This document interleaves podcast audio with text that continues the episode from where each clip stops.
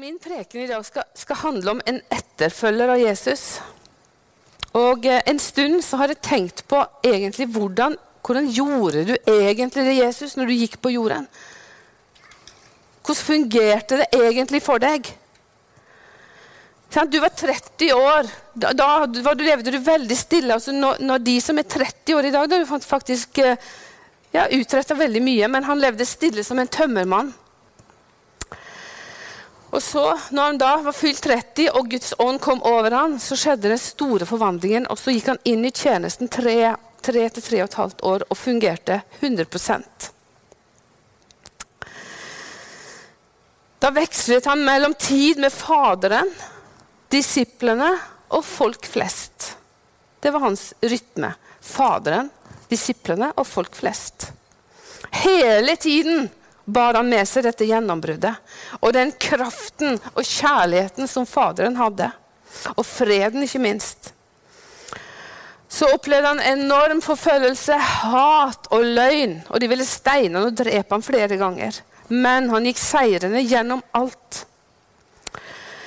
Slik fullførte han løpet, og så gav han oss tilgang til Guds rikes kjærlighet. Og forente oss med Faderen gjennom sitt blod som står i 2. Korinterbrev 5,21. Og jeg vet at veldig mange av oss har et brennende ønske om å lære å leve sånn som Jesus gjorde. Tenk å få vært flue på veggen når han levde. Tenk å få fått være hans etterfølger. Det måtte være helt fantastisk. Men vi har fått Den hellige ånd, og det fins muligheter i dag. Og så er vi gjennom forskjellige faser i livet. Noen faser i livet er stille. Jeg har gått gjennom mange forskjellige faser, og Gud har vært med meg gjennom alle fasene. Selv om jeg var bundet av frykt, så var han med meg daglig. Noen veldig hektiske faser. Da vi studerer, vi arbeider, vi bygger hus, vi, eh, vi bygger relasjoner, og, og alt dette er rett. For Gud har utrusta oss med talenter og gaver som skal utvikles og brukes. Vi er ikke bare en ånd, vi er jo en sjel og kropp, og gavene våre skal være med å brukes. Men så kommer det noen, så noen, det blir noen sånne momenter i livet der, vi, der plutselig alt bare stopper opp. Og noen ganger så kan lufta bare gå helt ut av oss. Og så bare våkner vi opp og så tenker vi hva er det egentlig jeg lever for? Hva er det egentlig jeg lever for?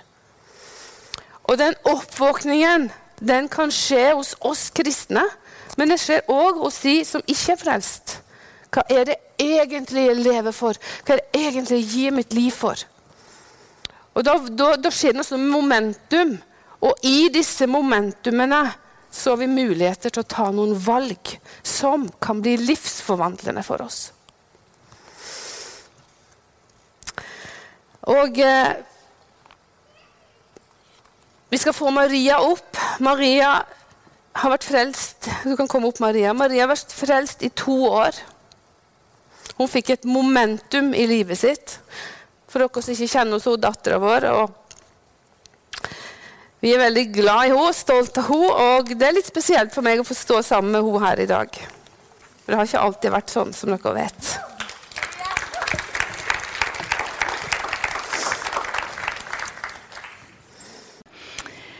Eh, ja, som mamma sa, så ble jeg frelst. Eh, det var i 2017, i ca. mars. Eh, ja. Så det er jo litt over to år siden nå. Um, og det var pga. det var en pastor som hadde et kunnskapsord til meg. Og rett og slett der og da fikk jeg en veldig sterk åpenbaring om at Gud finnes. Og for meg var det liksom Jeg måtte jo fortsette å ta valg og følge han, men jeg skjønte bare ok, dette er sant. Jeg kan ikke rømme mer. Jeg kan ikke benekte Gud mer. Jeg, nå er jeg bare nødt til å ta meg sammen, skjerpe meg. Eh, men jeg, jeg, hadde jo ikke kalt meg kristen siden jeg var kanskje 15 år. Eh, så jeg ante jo egentlig ikke hva det ville si å være kristen når jeg da var eh, 25 år eller 26 år var jeg da når jeg eh, tok imot Jesus på nytt. Um, jeg trodde kanskje det var, hadde veldig mye med sånn 'Dette er ikke lov'. Um, og at man alltid måtte liksom si at man var kristen, og at det handlet om egentlig å vente på døden og være i himmelen. Og visste jo egentlig ikke hva himmelen betydde.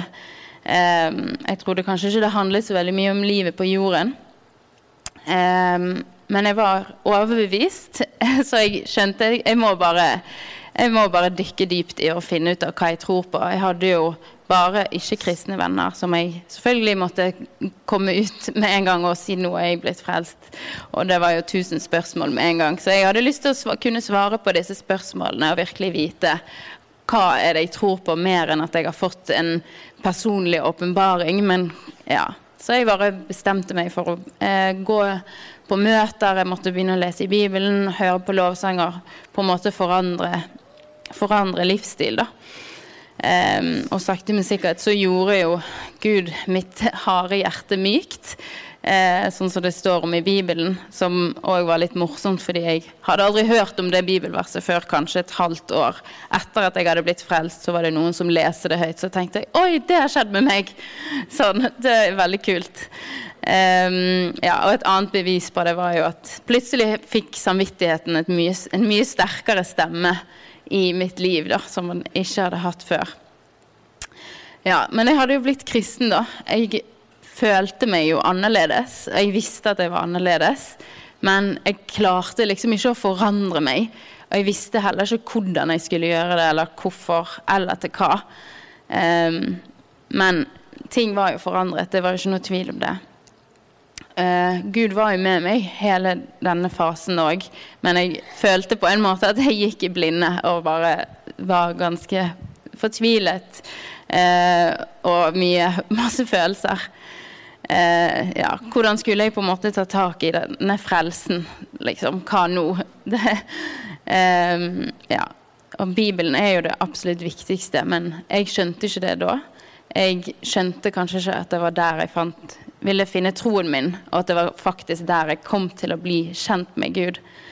Um, men jeg leste nå Bibelen daglig, et tilfeldig vers. Åpnet Bibelen og leste et vers, eller leste de typiske liksom, Ikke bekymre deg, Gud er med deg. Litt sånne ting. Og følte meg at det var godt nok. Um, ellers så var det jo mye jobb og tidsfordriv for å få tiden til å gå, venner og TV og alle sånne ting. Um, og jeg prøvde å høre litt på podcaster og sånn, men ja, det, jeg glemte fort hva jeg hadde lest, eller hva prekenen egentlig handlet om. Hvis noen spurte meg hva et møte handlet om, så had, kunne jeg ikke gjenfortelle i det hele tatt. Um, men noe jeg skjønte, var jo at dette var mye, mye større enn det jeg først hadde tenkt og trodd. Um, og jeg ville virkelig bli kjent med Gud. Jeg ville lære mer, og jeg ville lære fortere. Og jeg kjente at jeg hadde en lengsel inni meg. F.eks. på møter og sånn, og i lovsangen så kunne jeg plutselig kjenne at jeg for ville gråte. og Jeg skjønte ikke hvorfor. Men jeg bare skjønte at det var liksom, jeg ville ha mer av denne følelsen. Jeg ville ha mer av dette. Og når jeg var på konferanser eller sånne ting, når jeg var bare omringet av kristne og virkelig Guds ånd, da kjente jeg bare dette her må jeg ha mer av. Eh, så jeg skjønte jeg måtte vekk og på bibelskole. Så da tenkte jeg å finne en bibelskole i Afrika, det er perfekt. Da er du liksom vekke fra alt og alle du kjenner. Vekke fra mobil, internett, alle forstyrrelser som prøver å dra meg vekk fra ting. Um, ja, så da bestemte jeg meg for å dra til Mosambik. Eh, til bibelskolen til Heidi Baker der. Selv om jeg hadde absolutt ikke noe forhold til hun. Jeg hadde vært på ett møte med hun. og hadde ikke noe sånn spesielt Visste ikke så mye om hun, men jeg bare ville dit, til Afrika. Um, og det var jo veldig mye kamp for å komme dit. Uh, fysisk, psykisk. Jeg, mye, jeg, fikk, jeg, ble syk. Passet mitt forsvant i posten noen uker før jeg skulle dra. Og ja, masse Mye dyrere enn jeg hadde trodd. Og jeg hadde ekstremt mye indre kamper. Jeg gråt mye. Og det var ja, det var tøft å, komme, å liksom komme seg dit. Men samtidig så var det noe inni meg. Jeg bare visste jeg bare må dette. Jeg må gjennom det. Så jeg kjempet meg gjennom det og følte at jeg på en måte bare tok ett og ett steg, sånn, selv om det var veldig vanskelig. Og ante ikke hva jeg gikk til. Og når jeg først kom der, så følte jeg jo selvfølgelig at jeg ikke var god nok, at jeg ikke passet inn, at siden jeg hadde jo ikke vært kristen så lenge jeg, liksom, ja, Folk hadde så fantastiske historier, og jeg hadde jo så vidt Jeg hadde liksom ett år i baklommen som kristen. Det var ikke så mye å skryte av. Um, men jeg ville bli kjent med Gud, uh, og det jeg ikke skjønte, var jo at Gud Når du blir kjent med Gud, så forandrer jo Gud deg. Det visste ikke jeg. Eh, og sånn, Dere har jo blitt litt kjent med mamma i det siste, så hun sa jo veldig ofte til meg bare 'Du kommer til å bli helt forvandla når du kommer hjem.' Og jeg ble bare fornærmet. Jeg syns ikke det var noe kjekt å høre. Sånn, Hvorfor skal jeg forandre meg, liksom? Er ikke jeg god nok sånn som jeg er? Så det Ja. Men jeg ble jo det, liksom. Men eh, ja. Jeg skjønte ikke helt hvordan det skulle gå til, men det visste Gud, og det visste jo hun. Eh, ja. Etter noen dager så selvfølgelig var jeg egentlig veldig glad for å være der. Jeg merket at ting begynte å skje inni meg, og at jeg bare jeg var på rett sted. Og det var en følelse jeg egentlig aldri hadde hatt før i mitt liv. Og virkelig følt på en måte at jeg er akkurat her jeg skal være. Jeg føler liksom ja, det, bare, det er en helt utrolig rar følelse. Og liksom Ja. Det er ingen andre steder jeg kunne vært. Altså, Jeg gikk jo glipp av en veldig god sommer, har jeg hørt, i Norge. Men jeg kunne ikke brydd meg mindre. Det er bare sant? Det er sånn Åh, nei, det kunne aldri liksom vært foruten den opplevelsen å være der nede. Og det var bare så inspirerende å være rundt folk som de bare levde 100% for Jesus. Alle de som, i hvert fall veldig mange av de jeg bodde med, og sånn, de bare de snakket om Jesus hele tiden, og han var så utrolig virkelig i livene deres. Og de hadde utrolige vitnesbyrd og masse bare Det var bare Jesus, Jesus. Og, og jeg ble bare sånn Wow, han er virkelig ekte. Han er virkelig. Og denne Jesus vil jeg virkelig òg bli kjent med. Jeg vil òg ha det sånn som dere har. Um, og ehm, ja, jeg ble mer og mer kjent med han. Eh, og virkelig oppdaget at Jesus elsker meg. Det var en sånn rar, rar oppdagelse. Eh, at han virkelig så meg, og at han hadde sett meg hele livet. Det bare opplevde jeg veldig sterkt når jeg var der nede. Og at han ønsket fellesskap med meg. Og det var bare helt Det var så overveldende for meg, og det var helt utrolig. Og det var fantastisk. Um, og når dette gikk mer opp for meg, så ville jeg bare mer og mer. Um, og så bodde jeg også med en som hun var bare Ja. Hun virkelig kjente Jesus. Um, hun snakket om han om alt. Altså, han fortalte hun til og med hvilke vaskemidler hun skulle kjøpe. Det var bare helt utrolig. Og jeg syns dette var ekstremt fascinerende. Altså, Jeg var helt i sjokk. Kan man snakke Bryr Jesus seg om de tingene òg, liksom? Eh, så jeg bare spurte henne masse spørsmål og virkelig var veldig interessert. Eh, og så sto hun opp halv fire hver eneste morgen for å be i fire timer før skolen begynte. Og jeg liksom spurte hvorfor gjør du det? Sant? blir ikke du trøtt? Og er ikke det kjedelig? Og jeg skjønte ikke hvordan hun klarte å holde ut. Men da svarte hun meg bare at det er sånn man gjør når man er forelsket, sa hun. Og at det er ikke noe problem når du vet hvem du skal møte. Og det var Det det stakk Eller det er bare Wow, er det sant? Og øynene, altså Ansiktet hennes glødet, øynene strålte. Det var virkelig, hun, Hele hun var bevis på at, at det var Hun bare koste seg sammen med Jesus. Eh, og jeg ble ganske nysgjerrig, så jeg òg hadde lyst til å prøve dette. og stå opp tidligere. Altså, Jeg sto langt ifra så tidlig opp som hun, men jeg begynte med litt tid. og og skrøt til hun, men hun, hun sa jo bare du må i hvert fall ha tre timer. sånn. Det var svaret jeg fikk av hun, men jeg tenkte ja vel, jeg må jo begynne et sted. Kanskje begynne med tre timer. Den uh, begynte, og etter hvert så skjønte jeg hva hun mente. At når du virkelig går inn i Guds nærvær, og jeg fikk tid alene med Gud, så vil man bare mer og mer. Jeg ville bare mer og mer. Og jeg måtte stå opp tidligere og tidligere, fordi jeg fikk ikke nok tid. Um, og jeg begynte å lese gjennom Nye testamentet, og jeg leste hele Nye testamentet for første gang på ordentlig dis, gjennom disse morgenene. Og Gud åpenbarte seg veldig sterkt for meg eh, gjennom Hans ord. Og ja, han snak, snakket til meg veldig tydelig. Eh, og lærte meg ting. Jeg lo og jeg gråt altså med Bibelen alene. Satt og var helt så sikkert gal ut. Um, men jeg var bare helt overveldet eh, over Gud og over virkelig hvor sterk og tydelig stemmen hans plutselig var for meg. Og det var liksom meg og han. Det var sånn romantisk, egentlig. Sånn helt, det er jo sånn ennå, men dette var jo starten min, på en måte. Det var bare helt nytt for meg, og det var bare helt fantastisk. Um, ja, og det var jo på en måte Da ble jo Jesus for meg fra en fjern person, og noe jeg trodde på, noe jeg hadde tilhørighet til og håp til, ble han på en måte til en bestevenn. Og til en jeg liksom virkelig kunne snakke med om ting. Og ting som jeg opplevde der som var vanskelig. Så istedenfor å løpe til venner, så løp jeg til Jesus og, og snakket og gråt og fikk hjelp. og virkelig For jeg var desperat, og jeg bare Jeg hadde ikke så mange andre å åpne meg på den måten med, og da måtte jeg bare. Jeg hadde ikke telefon, kunne ikke ringe hjem. Sånn, så det var liksom Jeg hadde ikke noe valg, og da ble jeg på en måte litt tvunget til dette. Og det var, det var bare så gøy å finne ut at det funka. og det var liksom Ja. Og det var jo òg da jeg skjønte at Gud ikke er avhengig av en plass eller et møte eller en konferanse eller noe sånt for å møte meg. For jeg begynte jo å bli litt redd når skolen sluttet. Å nei, hva skal skje nå når jeg kommer hjem? Liksom alt vanlige jobb og alt det der. Og nei, skal jeg falle tilbake til gamle vaner, på en måte? Eller sånn. Jeg vil ikke at dette bare skal være en opplevelse som jeg har hatt. Og så er det liksom bare Det var gøy da, men det er ikke sånn nå lenger. Um, men jeg skjønte liksom at det er jo i alenetiden. Jeg hadde jo større opplevelser med Gud alene før skolen begynte, før timene begynte. Hva hadde jeg allerede grått og virkelig prist Gud og virkelig hørt Guds stemme.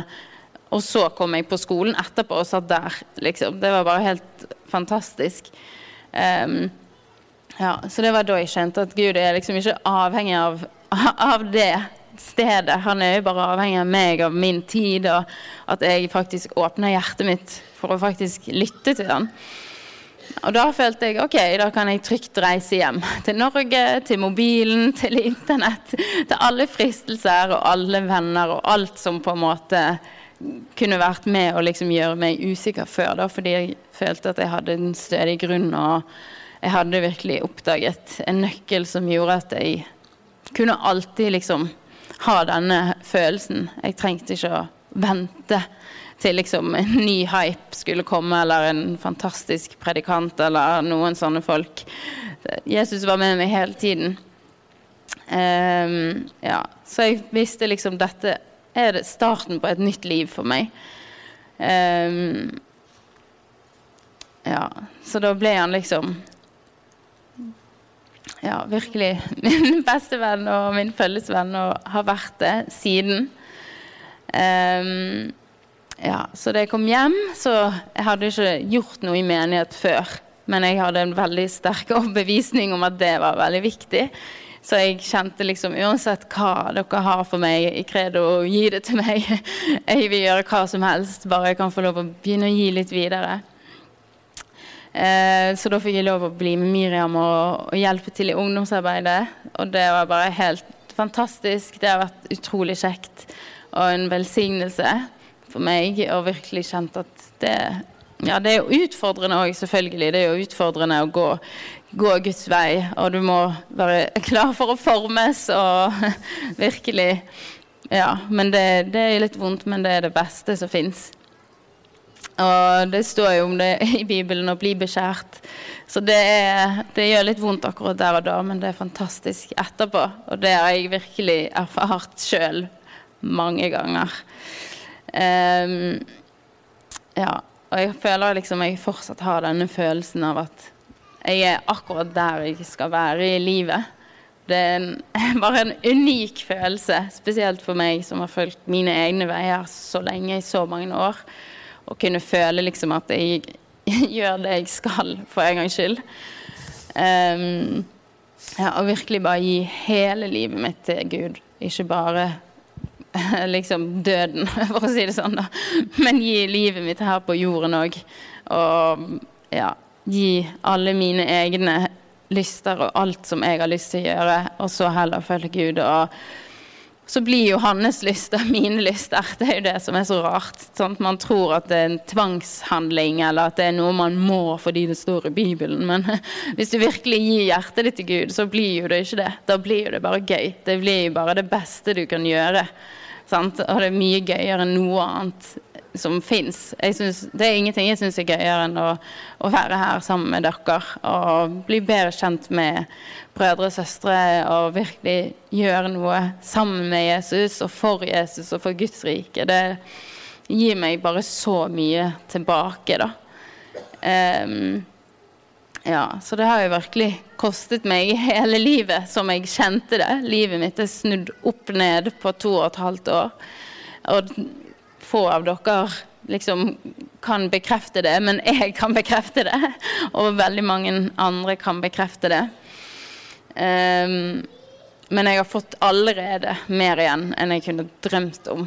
Altså, det er ingenting jeg ville gjort annerledes.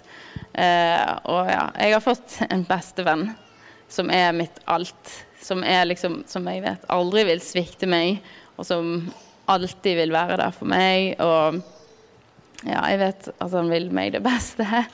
Og det er bare fantastisk. Ja, så um, Ja. Jeg håper at uh, dere òg alle får oppleve det, hvis ikke man har opplevd det før. Mm. Takk skal du ha. Så bra. Ikke det bra å høre litt vitnesbyrd? Hæ? Og dette er jo veldig trosstyrkende. For vi har bedt for Maria i mange, mange år. Så alle foreldre som står i tro for barna deres og barnebarna deres, slutt ikke å be, men fortsett å kjempe for de bønn. For Gud hører bønn. Han hører dine rop, han hører deg.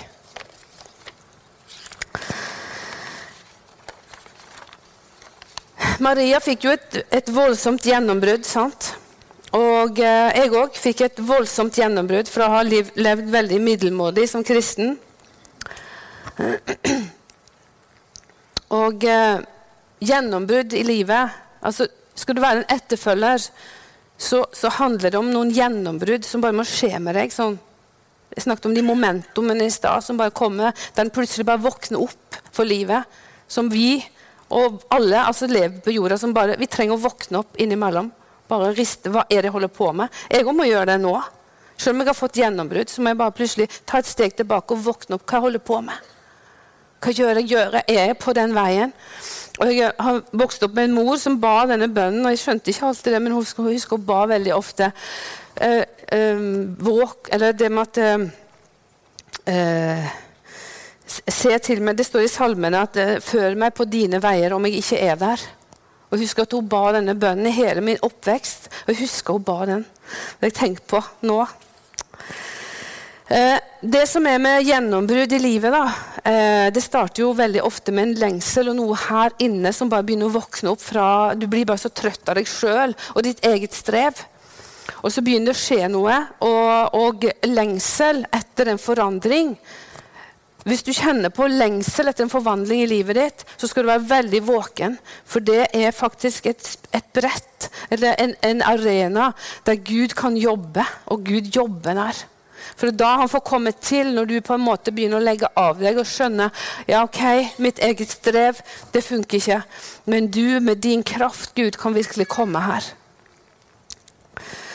Og eh, du vet, Vi kan ofte bli misunnelige på andres gjennombrudd og tenke vil ha det gjennombruddet som hun har.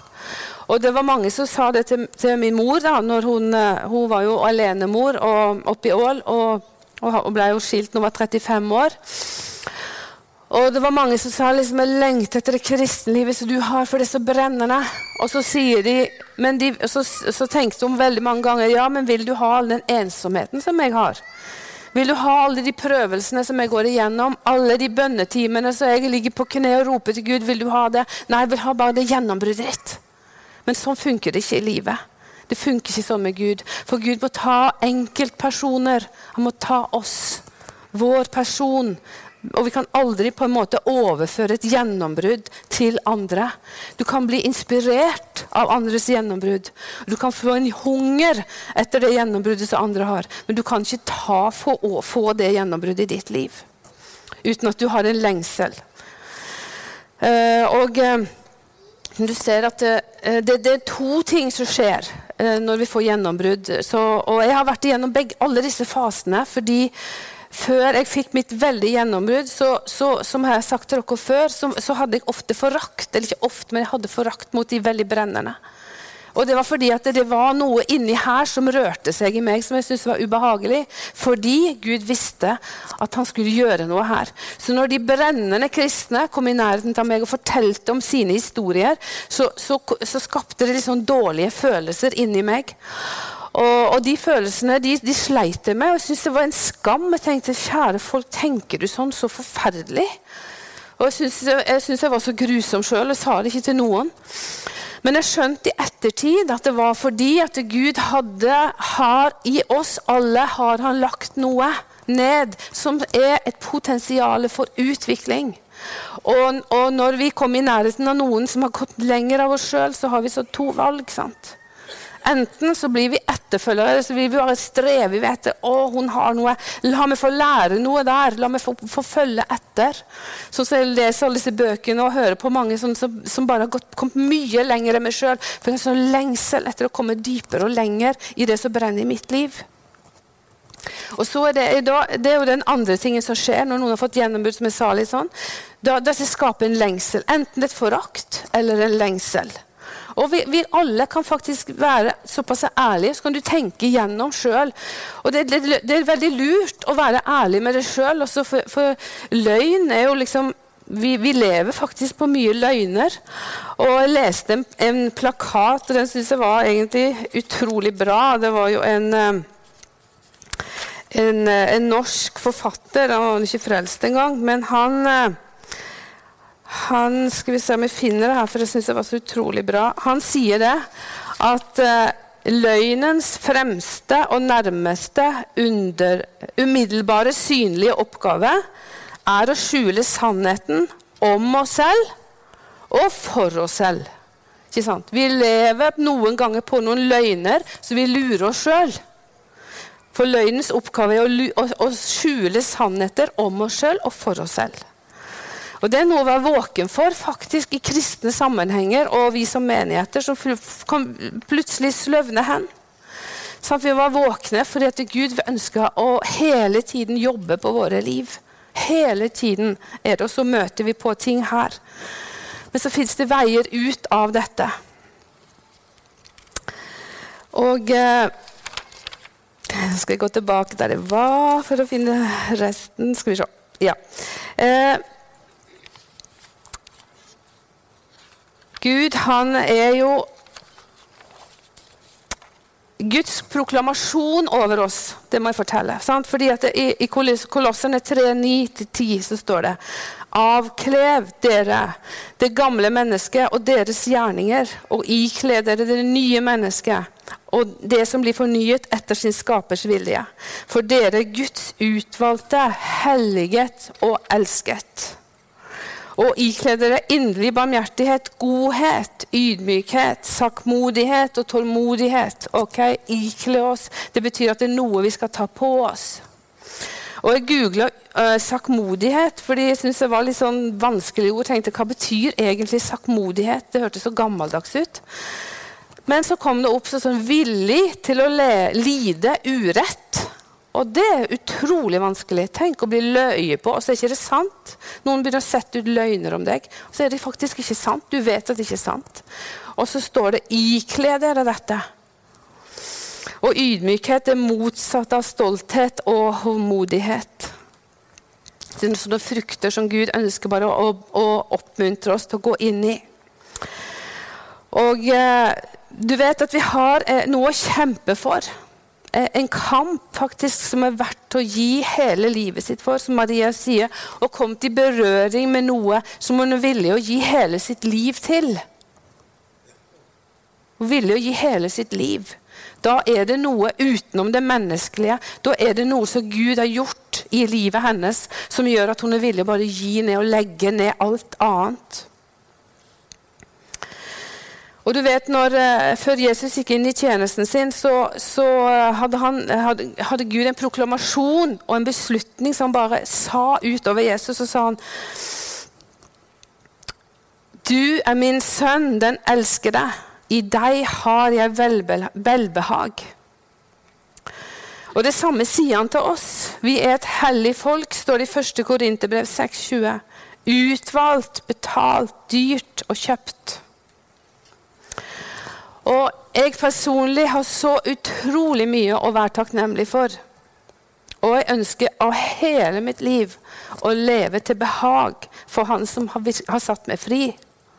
Etter å ha vært bundet i så mange år og vært syk så lenge, så, så, så, ble jeg satt i frihet, og jeg kjenner på en dyp dyp takknemlighet og en lengsel etter å leve til han behag, hans behag. Og eh, du vet at også det som Gud har lagt ned i oss, er fruktbærende. Det må vi ikke glemme. Det er fruktbærende. Sånn som Guds ord, når du begynner å åpne. Og, og, og, og eh, sånn som jeg leste Guds ord før min gjennombrudd, og, sånn, så var det opp og ned, fram og tilbake. Og det var et ord her og der, sånn som Maria snakket om mye. Men jeg levde som en kristen og opplevde ting med Gud. Det hadde ikke noe med det å gjøre. Men det, det var dette gjennombruddet med Gud. Dette må strekke seg, komme seg videre. Da må vi dypere inn i ordet. Og da skjer det noe med deg. Og i Jakob 4,5 så står det Med nidkjærhet trakter han etter den ånd som han lot bo i oss. For Gud la en, en mektig Guds, Den hellige ånd, inni oss. Den har han gitt til oss.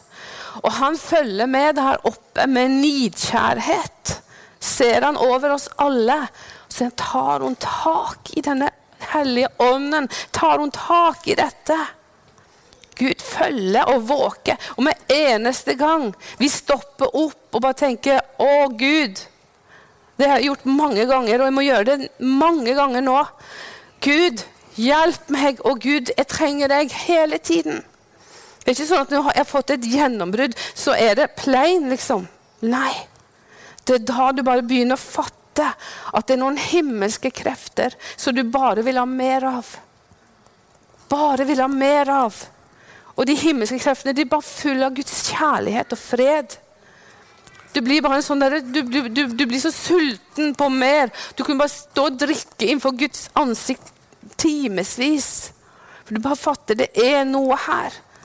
Noe som jeg må ha mer av. Du vet, eh, Rett etter Jesus døde også ble det en voldsom eh, krig og forfølgelse av de kristne. Og det skjedde jo flere 100 år etterpå. Og i år 320 så var det 40 kristne martyrer i Ameria, Manenia. Og jeg har akkurat lest den historien, syns jeg var veldig sterk. Og Da var det 40 kristne som sa at enten så sier du fra deg troen, eller så går du ut på den frosne elva der, og så skal du fryse i hjel.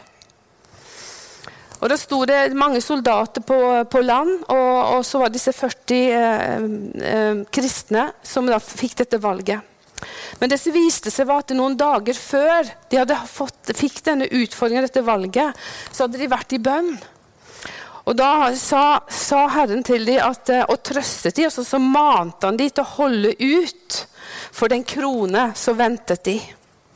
Så de var på en måte litt sånn forberedt på at det var noe som kom til å skje. For mens de var i bønn, så mante de var sammen i bønn. Og det er sterkt.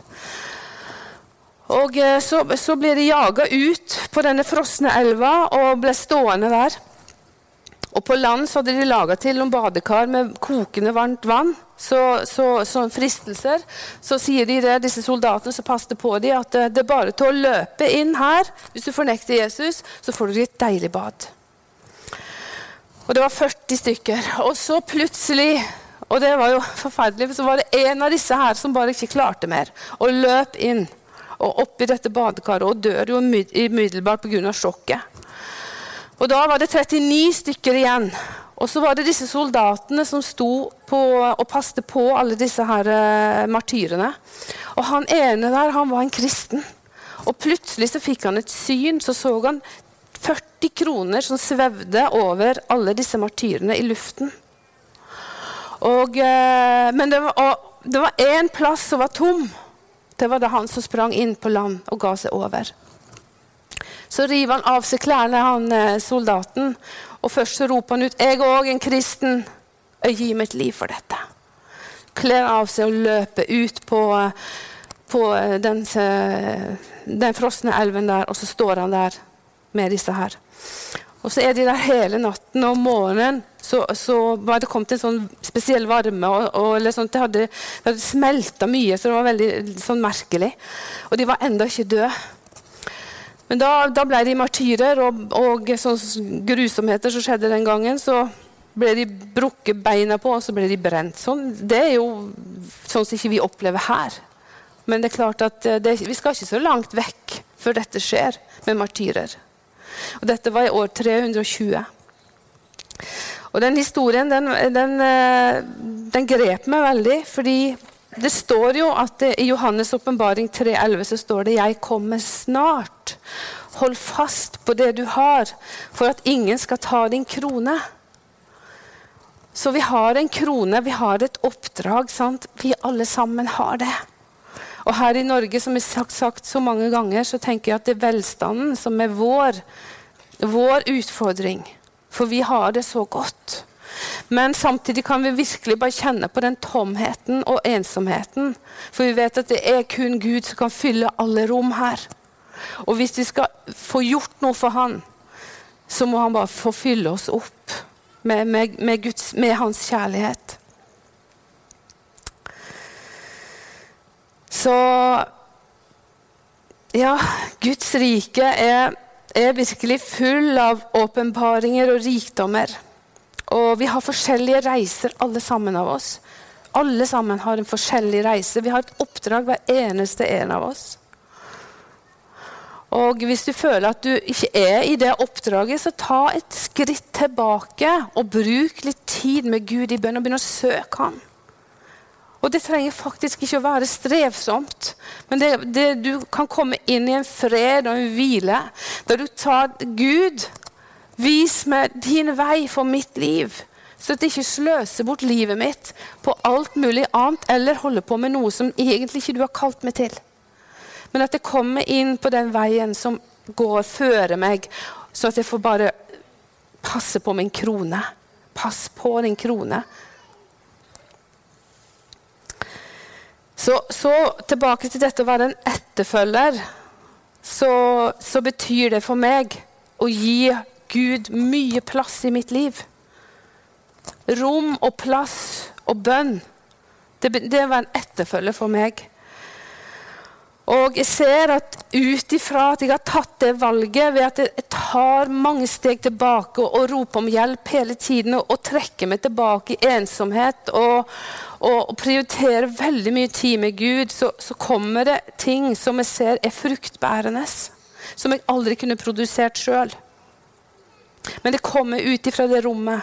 Og det var jo sånn Jesus kalte oss til å leve. sant? Han levde jo sånn gikk til Faderen, var med disiplene og så ut i verden. Og så skjer den forvandlingen. Og det, det, er sånn han har kalt oss til. Han har ikke kalt oss til å streve og kave og holde på med så mye. At faktisk Det viktigste du gjør, er å trekke deg tilbake og bare begynne å tenke igjennom og begynne å rope til Gud. Yes, Gud, før meg på dine veier. La meg få gjøre det som jeg er kalt til. Og når jeg forberedte meg, så, bare, så var det akkurat så jeg hørte en setting og så bare at Gi Gud plass. Det er bare kjenner jeg skal si ut til dere gi Gud plass. Sant? For du, en, fyller, en gir så mye annet plass og rom i livene våre. Og det er en sånn, det sånn stjele Guds tid og Guds plass. Men bestem deg for å gi Gud plass. Nei, men jeg klarer ikke å be mer enn ti minutter sier du ofte. sant? Men sett deg med en bok, lukk din dør og gi Gud plass i hvile. Ikke eget strev, men i hvile. Og ta beslutninger om at dette skal bli regelmessig for livet ditt. Så er det ting som kommer til å skje. Du kommer til å endre seg. Og flere ganger i livet mitt har jeg stått over viktige avgjørelser. Og jeg har virkelig kjent det på kroppen. Og det var før 2015, før jeg fikk mitt gjennombrudd. Og, eh, og da, da, da, kjente det på hele kroppen. Nå er det noe viktig som skal skje. Nå er det noe viktig. Og jeg husker mange ganger så, så, så ble jeg liksom overmanna av en følelse av at nå er det noe viktig. Og da lytta jeg ekstra nøye. Og det vil jeg bare oppfordre dere til. Altså når dere kjenner litt sånn Nå er det noe i gjerdet, nå er det noe viktig. Så lytt ekstra nøye. Da Den hellige ånd vil si noe. Og Det kan være om, om valg av ektemann og hvilken utdanning du skal ha, hvilket hus du skal kjøpe deg, og, og hvilke folk du skal på en måte berøre med det som du bærer med deg. Du vet at Den hellige ånd vil guide og lede oss til den fulle sannheten og overgivelse steg for steg. Men vi er veldig jeg vet ikke om mye nordmenn er spesielt der, men vi er veldig utålmodige. Sant? Vi ønsker åh, det er nå. Og så tenker vi at Gud faktisk bare er etter det som skal skje, det gjennombruddet vårt. Han er bare, det Når du bare gjør det, sant? da er han veldig interessert i det.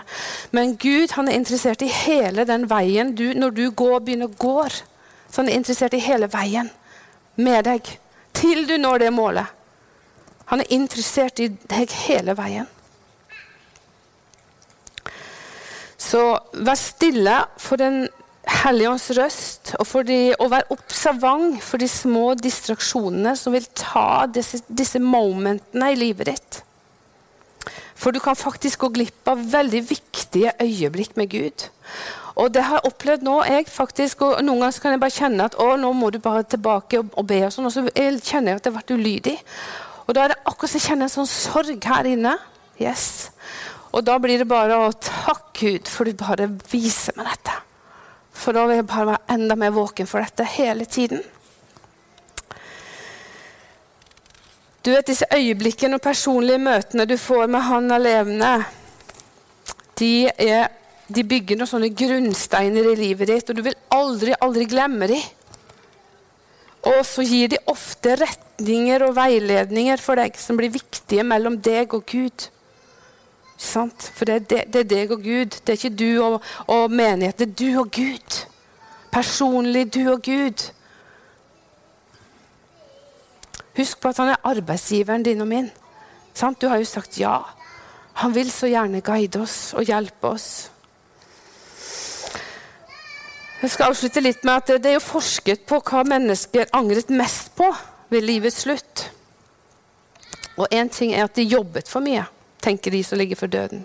De brukte for mye tid og strevde og jobbe for penger som bare er tomhet, egentlig. Og så fulgte de ikke drømmene sine. De undertrykte følelser som de hadde. Og eh, de fikk ikke ut, utnytta det potensialet de hadde. Og, eh, og det utvikla bitterhet og mange ganger sykdommer som, som plagde dem. Og så er det en ting som jeg synes var litt spesiell, og det var det at de visste ikke at glede var et valg. Og så tenker jeg veldig mange i, i vår kristenhet så vet vi ikke at uh, kristenhet har med valg å gjøre. Personlige valg. Så uh, nå skal jeg avslutte. Og uh, jeg har virkelig et rop fra mitt indre. og og virkelig hver eneste celle i min kropp bare kjenner jeg bare lengter etter Gud. Jeg lengter etter mer av Han.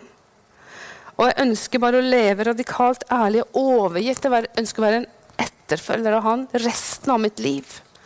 Det er bare på førsteplass. Og jeg ønsker å, å, å, ha et liv som er så berørt på dypet at det brenner konstant. For Den hellige ånd, for Jesus og for vår allmektige Gud den treenige hellige, mektige skaperen, vår far, menneskehetens kilde og opphav, kjærlighetens grunnlov og fullender og makt.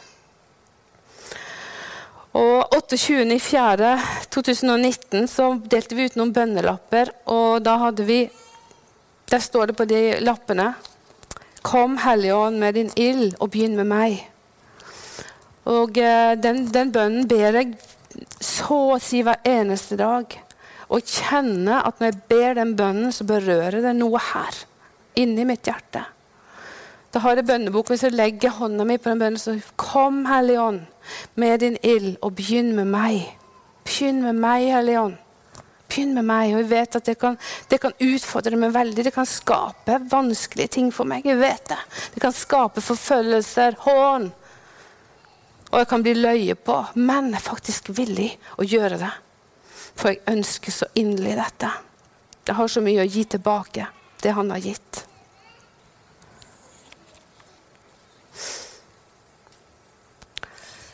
Så vi er kalt til å være en etterfølger i hvile og kjærlighet og fred.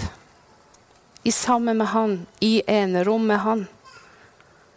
Og det er, et, det, det er, det, største og det første kallet vårt. Det er det viktigste kallet vårt. Så la ikke denne tiden bli stjålet fra deg. La ikke djevelen lure deg til å ikke bruke tid. For det er det rommet med Gud som skaper denne forvandlingen i livet ditt. Som skaper disse momentene i livet ditt som bare får deg til å bare ta disse her hoppene i tro.